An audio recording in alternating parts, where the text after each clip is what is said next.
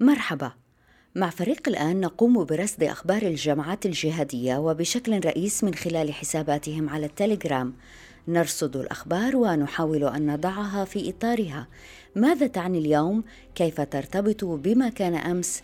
وكيف ستؤثر في أحداث الغد؟ أنا نهاد الجريري أهلا بكم. مرصد الجهادية بودكاست على راديو الآن. العنوان الأبرز في هذا الأسبوع على الساحة الجهادية هو أفريقيا. جماعة وأنصار المسلمين في بلاد السودان المنشقة عن بوكو حرام والموالية للقاعدة تستأنف عملها المسلح في نيجيريا. وجماعة نصرة الإسلام والمسلمين القاعدية أيضا تحشد لفرنسا في مالي. وفيما يبدو أنه تنافس على من يقتل أكثر داعش تحتفي للأسبوع الثاني على التوالي بفرعها الإفريقي. كلاهما يتنافسان على قتل الناس. يجب أن نتذكر أنه بعد الانفصال في 2016 وقعت حرب داخلية بين المجموعتين وقتلوا بعضهم البعض. نتحدث في هذه الحلقة مع بولاما بوكارتي الخبير في معهد توني بلير للتغيير العالمي في لندن وطالب الدكتوراه في كلية الدراسات الإفريقية والشرقية في لندن أيضا. بولاما نيجيري مسلم وأمضى عشر سنوات تقريبا يبحث في بوكو حرام عن قرب. نتحدث إليه بعد حوالي ثماني دقائق من الآن. مرصد الجهادية في تحول مهم نشرت مؤسسة الهجرة الإعلامية ووكالة ثبات أن جماعة أنصار المسلمين في بلاد السودان التي انفصلت عن بوكو حرام في نيجيريا عام 2012 تعاود عملها المسلح بعد غياب أكثر من أربع سنوات بأن تشن هجمة على رتل للجيش النيجيري في وسط البلاد. وكالة ثبات نشرت تقريرا مكتوبا قالت فيه إنه بعودة هذه الجماعة إلى الهجمات المسلحة تكون جماعات موالية للقاعدة تنتشر في 11 دولة إفريقية وتعمل في تناسق مع باقي الفروع المنتشرة حول العالم بهدف إعادة الخلافة الإسلامية بين قوسين.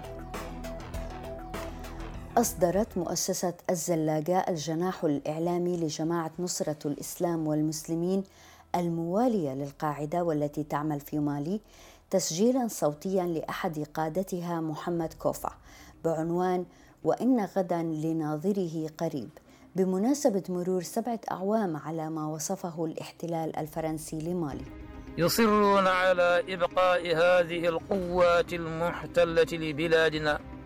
العنوان على غلاف الفيديو المصاحب لهذه الكلمة كان قادمون يا أقصى وبعد افتتاحية تظهر صورة لكوفا على خارطة مالي وموريتانيا والجزائر وبوركينا فاسو وغينيا وتم تحديد مدن في مالي تمبكتو مويتي سيفو وباماكو. وفي الزاوية صورة الرئيس الفرنسي ماكرون أمام كفن موشح بالعلم.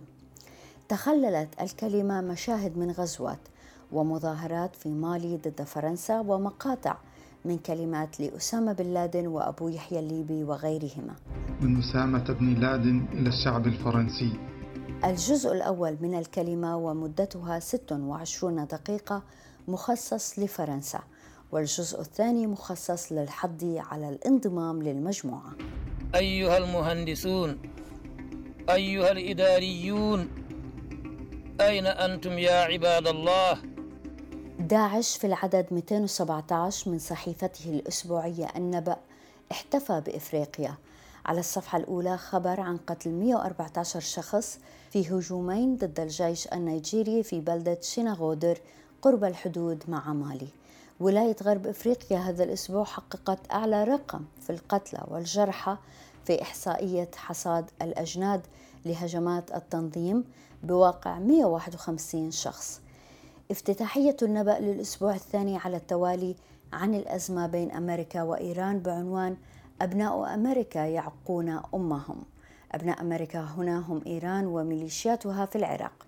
تعتبر الافتتاحية أولاً أن القوات الأمريكية في العراق كانت سببا في تمكين إيران هناك وأن الشيعة كانوا حلفاء أمريكا الذين مهدوا لهم غزو العراق وقاتلوا إلى جانبهم ضد السنة ولولا أن سلمهم الصليبيون حكم البلاد لما حلموا بالوصول إليه يوما انتهى الاقتباس ثانيا داعش هم من قاتلوا أمريكا وحلفائها وإيران وحلفائها في العراق وسوريا وبالتالي كذب خامنائي عندما قال إن سبب الضربه الأمريكية لمواقع الحشد الشعبي في العراق كانت انتقام الولايات المتحدة من الحشد لقتال داعش.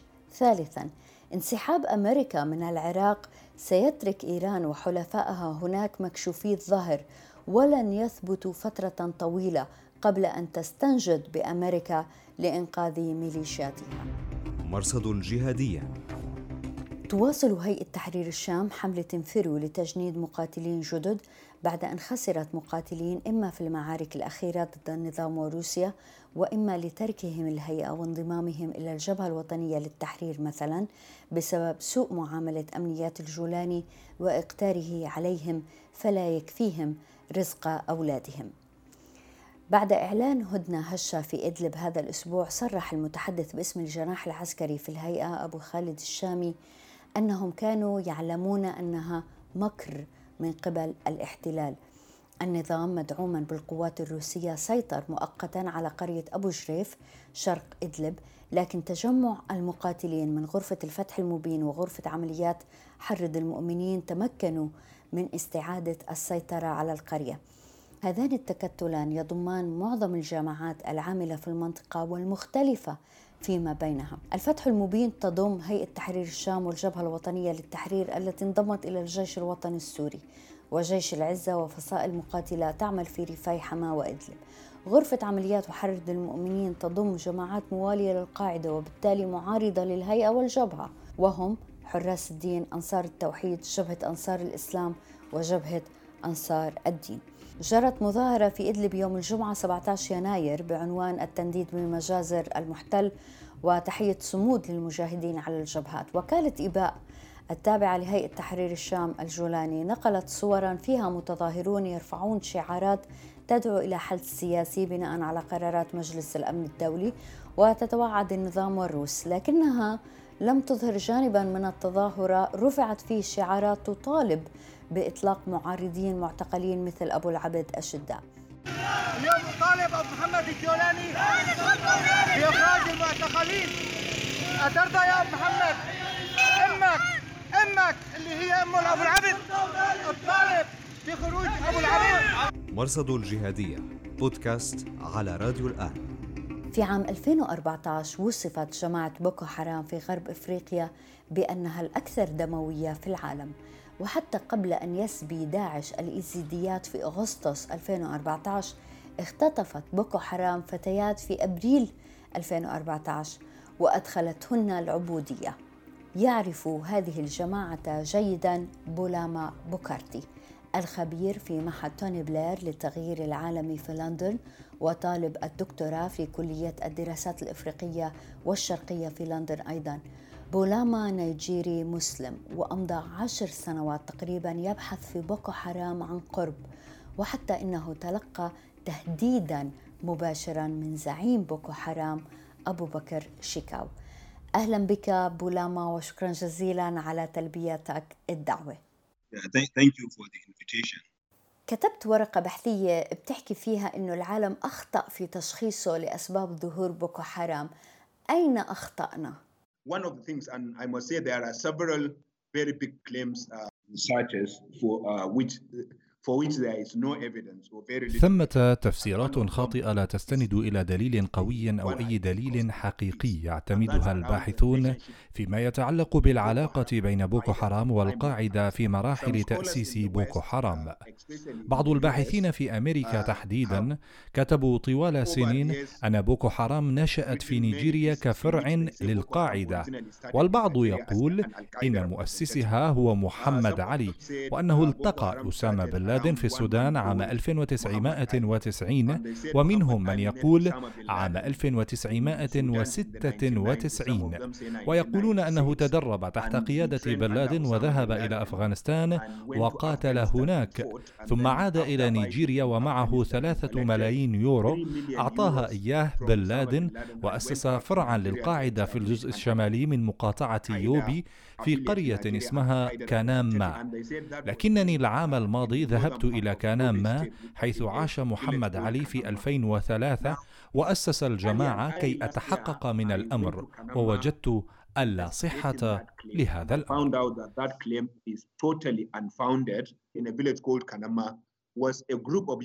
ما حدث هو أنه في تلك القرية كاناما عاشت مجموعة من الشباب النيجيريين في 2003 ممن شعروا بأن الدولة كانت علمانية وأن المدن يعيث فيها الفساد فقرروا الهجرة وسموا أنفسهم مهاجرين. وذهبوا إلى يوبي إلى قرية اسمها تاروماوا. القريبة من كاناما حيث عاشوا هناك وبنوا مسجدا وحفروا بئرا وعاشوا في خيم يقرؤون القرآن ويصومون ويصلون. في وقت من الأوقات خشيت السلطات المحلية من أنهم يحاولون تأسيس دولة داخل دولة. فشكل المجلس المحلي لجنة لتقنعهم بإخلاء المكان لكن محاولاتهم العديدة فشلت. وصل الأمر إلى الشرطة فمنحوهم سبعة أيام للرحيل. في نهاية المهلة غادروا لكن قبل ذلك قالوا إنهم جاءوا إلى ذلك المكان لعبادة الله وأنهم منعوا الآن من حقهم في العبادة بحسب معتقدهم. ولهذا سوف يقاتلون الدولة. غادروا قرية تارموا واستقروا في كانام ما بعد يومين من وصولهم. هاجموا مركزا للشرطة وقتلوا ضابطا وأخذوا مسدسه وهاجموا منزل رئيس المجلس المحلي الذي أمر بإخلائهم لكنه هرب وأخذوا سيارته وهكذا بدأوا. المهم في المسألة أنهم لم يتلقوا تمويلا من القاعدة. لم تكن لديهم أسلحة. ولم تدربهم القاعدة كما قال البعض. قتلت الشرطة عددا كبيرا منهم بعد أن قتلوا الضابط وتفرق الآخرون في البلاد ومنهم من عاد إلى ميدوغوري والتقوا بأعضاء ممن بقوا هناك ولم يهاجروا. وهكذا أسسوا بوكو حرام في 2009 إذا كيف انتقلت هذه الجماعة لتصبح الأكثر دموية؟ The original founder of that group is called Muhammad Yusuf. مؤسس الجماعة هو محمد يوسف وكان أول هؤلاء المهاجرين. درس الدراسات القرآنية في مدارس القرآن التقليدية في 2003 أسس الجماعة التي اسمها اليوم بوكو حرام. لم يطلقوا على أنفسهم اسم بوكو حرام. لم يكن لهم اسم. كانوا فقط يعتبرون أنفسهم حركة دعوة. بعد 2003 ظلوا يلقون الخطب والعظات في ميدوغوري في شمال شرق نيجيريا والمدن المحيطة واستقطبوا عددا من الشباب. كانت لهم معتقدات أساسية. أولا الديمقراطية غير إسلامية وعلى المسلمين ألا يشاركوا في الديمقراطية. ثانيا الحكومة النيجيرية علمانية ويجب عدم طاعتها لأنهم الطاغوت وأي نيجيري يتبع الحكومة. هو كافر حتى لو كان مسلما. ثالثا الأحكام الوضعية في نيجيريا مثل الدستور وغيره من القوانين غير إسلامية. وعلى المسلمين نبذها. رابعا تلقي التعليم الغربي حرام ومن هنا جاءت التسمية بوكو تعني التعليم على الطريقة الغربية في لغة الحوسة وهي لغة منتشرة في شمال نيجيريا. وهكذا بدأت المجموعة ولأنهم انتقدوا الحكومة استقطبوا كثيرا من الشباب في شمال نيجيريا حيث يعيش ملايين المسلمين. ولكن معظمهم جاهلون بالإسلام.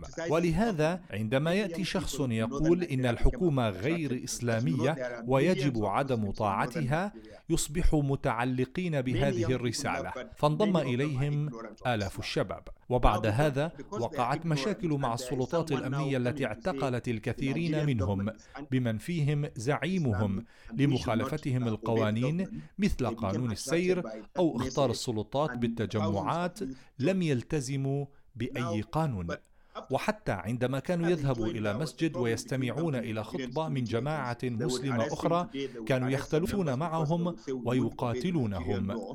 استمر الحال هكذا في الفترة من 2003 إلى 2009 في عام 2009 وقعت أول مواجهة. ما حدث هو أن بعض أفراد هذه الجماعة قتلوا في حادث سير. فأقيمت لهم مراسم الجنازة والدفن. وفي طريق عودة المشيعين أوقفتهم دورية لشرطة السير وطلبت منهم وضع الخوذ حيث كانوا يركبون دراجات نارية. رفضوا ذلك وقالوا إنهم يلبسون العمامة ولا يستطيعون وضع الخوذ فوق العمامة وأنهم لا يعترفون بالقانون الذي يفرض عليهم ارتداء الخوذة. تدهور الأمر. وأطلقت الشرطة النار عليهم فجرحت تسعة عشر شخصا منهم. شكوا إلى زعيمهم محمد يوسف الذي ذهب إلى المسجد في اليوم التالي وكان يوم جمعة.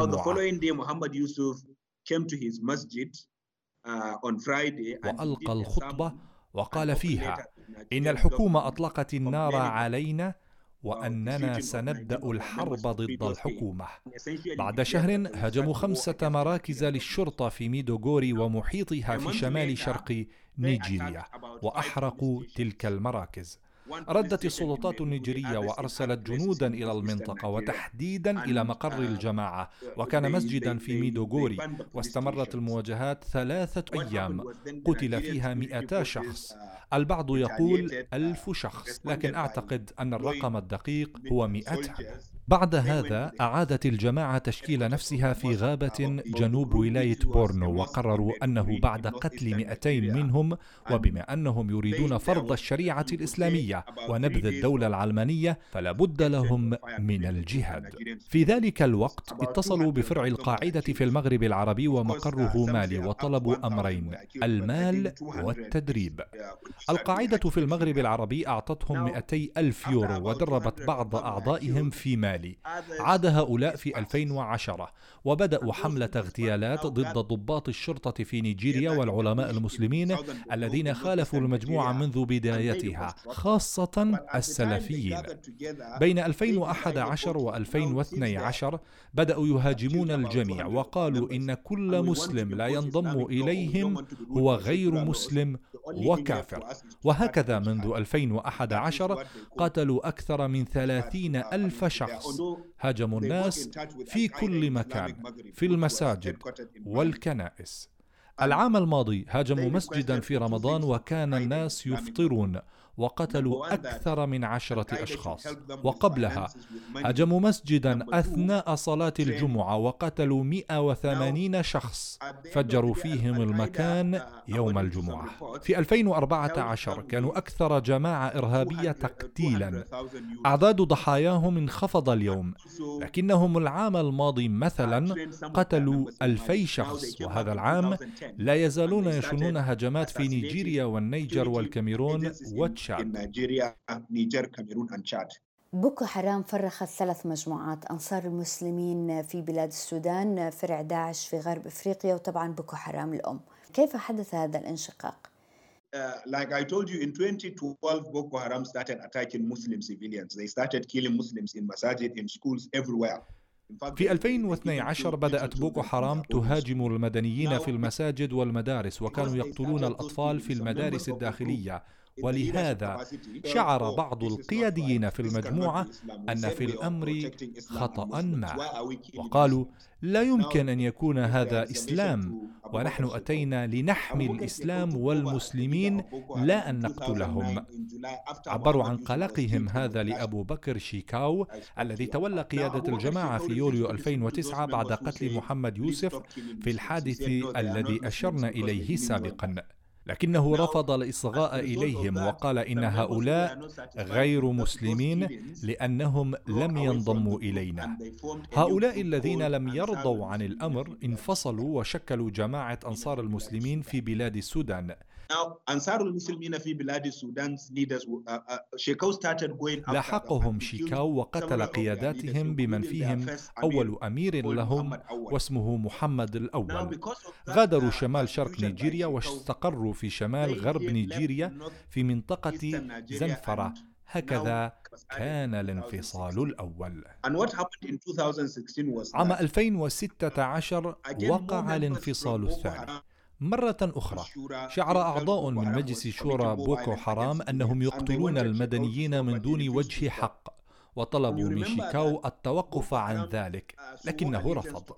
ونتذكر أن بوكو حرام كانت أعلنت الولاء لداعش عام 2015 فكتب هؤلاء إلى أبو بكر البغدادي وقتها يشكون شيكاو.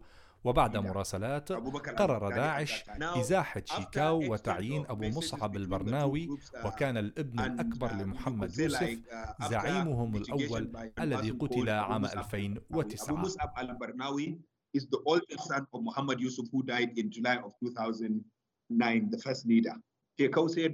رفض شيكاو الامتثال لداعش. فانفصل أبو مصعب وجماعته وشكلوا ولاية غرب أفريقيا كفرع لداعش هنا. وهنا أصبحت لدينا ثلاث مجموعات. جماعة أهل السنة للدعوة والجهاد المعروفة باسم بوكو حرام ويقودها شيكاو. والدولة الإسلامية في ولاية غرب أفريقيا ويقودها إدريس البرناوي بعد إزاحة أبو مصعب البرناوي. وجماعة أنصار المسلمين في بلاد السودان ولا يعرف من يقودها. Whose leader is not clear. لماذا أزيح أبو مصعب؟ هل لهذا الأمر أهمية؟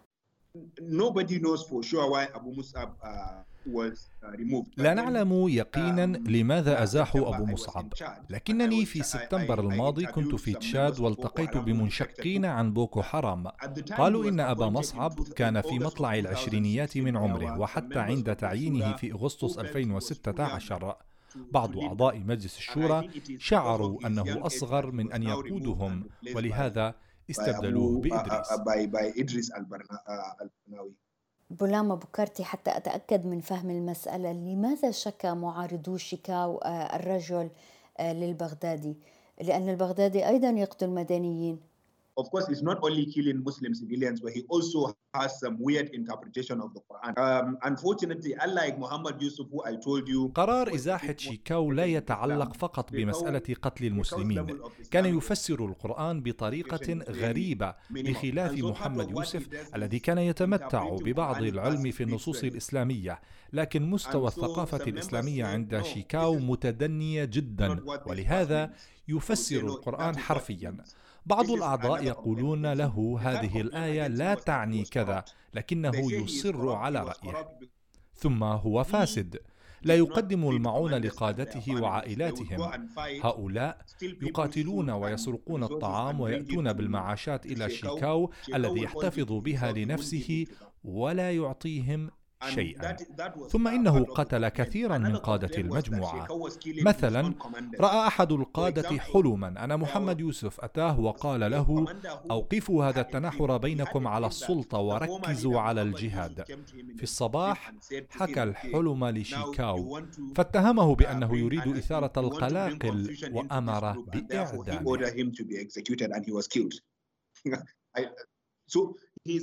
هو شخص متوحش. قتل قادة من بوكو حرام. ولهذا شكوه إلى البغدادي. قتل المسلمين كان واحدا من أسباب الامتعاض والبغدادي لم يرى أنه يصلح للقيادة. الحقيقة رأينا انشقاقات مشابهة في جماعة الشباب مثلا ولكن الفرع القاعدي هناك يتفوق على الفرع الموالي لداعش. بالرغم من إنه القاعدة ضعيفة الآن في آه، ظل وجود آه، الظواهري. لكن في حالة بوكو حرام نرى أن الجماعتين الموالي لداعش والموالي للقاعدة لهم نفس درجات العنف وكأنهم بيتنافسوا في القتل. كيف تفسر هذا؟ Uh, the two of them are competing uh, and we should remember that immediately after they broke up in 2016 there was civil war in the group itself. كلاهما يتنافسان على قتل الناس. يجب أن نتذكر أنه بعد الانفصال في 2016 وقعت حرب داخلية بين المجموعتين وقتلوا بعضهم البعض لكنهم وجدوا طريقة لحل خلافاتهم. لا أدري كيف إن كان بالحوار ولكنهم قرروا وقف الاقتتال وبدأوا يتنافسون بقتل الناس. ثمة فرق بين المجموعتين. ولاية غرب أفريقيا التي توالي داعش تهاجم السلطات الأمنية والشرطة والجيش والموظفين الحكوميين والمسيحيين، لكنها لا تهاجم المدنيين المسلمين، لكن شيكاو 72% من هجمات جماعته في العامين الأخيرين كانت ضد المدنيين. شيكاو مستقل لا يدين بالولاء لا للقاعدة ولا لداعش. ولكن أنصار المسلمين في بلاد السودان تدين بالولاء للقاعدة. ولم يتبنوا أي عملية منذ 2013 ويكتفون بإرسال رسائل تحض الناس على الانضمام إليهم كما رأينا في تسجيلات صوتية نشروها في رمضان بلغات مختلفة. بعض أعضاء ولاية إفريقيا وبوكو حرام بدأوا ينفصلون عن جماعتهم في شمال نيجيريا بسبب الضربات العسكرية وينضمون إلى جماعة أنصار في شمال غرب نيجيريا. ثمة احتمال ضعيف أن تجدد جماعة أنصار هجماتها لكنها مثل فرع داعش في ولاية غرب إفريقيا تدعو لمهاجمة المسيحيين والحكومة وليس المدنيين المسلمين وتدين بالولاء للقاعدة. بولاما كمسلم ونيجيري كيف شعرت عندما سمعت عن اختطاف البنات في بلدك في تشوبوك في 2014 I felt, I, I felt terribly unaccepted Islamic. There is no basis whatsoever in Islam for what they did. And as a Nigerian, as a Muslim, I saw my faith being exploited كان شعورا مقيتا ما حدث غير مقبول في الاسلام ولا أساس له في الشرع كرجل مسلم ونيجيري شعرت أن هذه الجماعة المتطرفة تستغل ديني وتضعه غير موضعه. ورأيت في الإعلام الغربي تحديدا أنهم يقولون عنهم إسلاميين وكأن ديني بات مدان وأنا المسلم المؤمن. الإسلام أجاز للمسلمين أن يعيشوا مع الآخرين. وحتى في حالة الحرب الإسلام حدد بوضوح قواعد فلا يقتل من لا يحمل سلاح ولا تقتل امرأة. وفي الجهاد رأينا كيف أن صحابيا قتل امرأة فغضب الرسول عليه الصلاة والسلام وأنبه. وكان النبي عليه الصلاة والسلام والصحابة يوصون القادة حتى في الحرب المشروعة بألا يقتلوا امرأة أو أناس من أديان أخرى يتعبدون أو ممن لا يحملون السلاح أو الأطفال. بوكو حرام تجاهلت كل هذه التعاليم. وهاجمت البنات. اللواتي لم تبلغ معظمهن ثمانية عشر عاما. واختطفتهن وأدخلتهن في العبودية. لا عبودية في الإسلام. كرجل مسلم ونيجيري أشعر بالإحباط. هذا السلوك البربري غير مقبول في الإسلام ولا يمكن تبريره. لا يمكن تبرير مهاجمة المسلمين وهم يصلون أو المسيحيين وهم يصلون في الكنيسة أو الناس في مواقف السيارات أو المتنزهات أو الملاعب حتى الجهاد المشروع. لا يمكن أن يبرر هذه الأفعال. العنف لا مكان له في الإسلام. Even if it is a legitimate jihad. Talk less of a jihad that is, I mean, a, a violence that is not legitimate in Islam. بولاما بوكارتي الخبير في معهد توني بلير للتغيير العالمي والخبير في جماعة بوكو حرام. شكرا جزيلا لوجودك معنا. وعليكم السلام ورحمة الله. وشكرا جزيلا لوجودكم معنا في راديو وتلفزيون الآن أنا نهاد الجريري. مع السلامة. مرصد الجهادية بودكاست على راديو الآن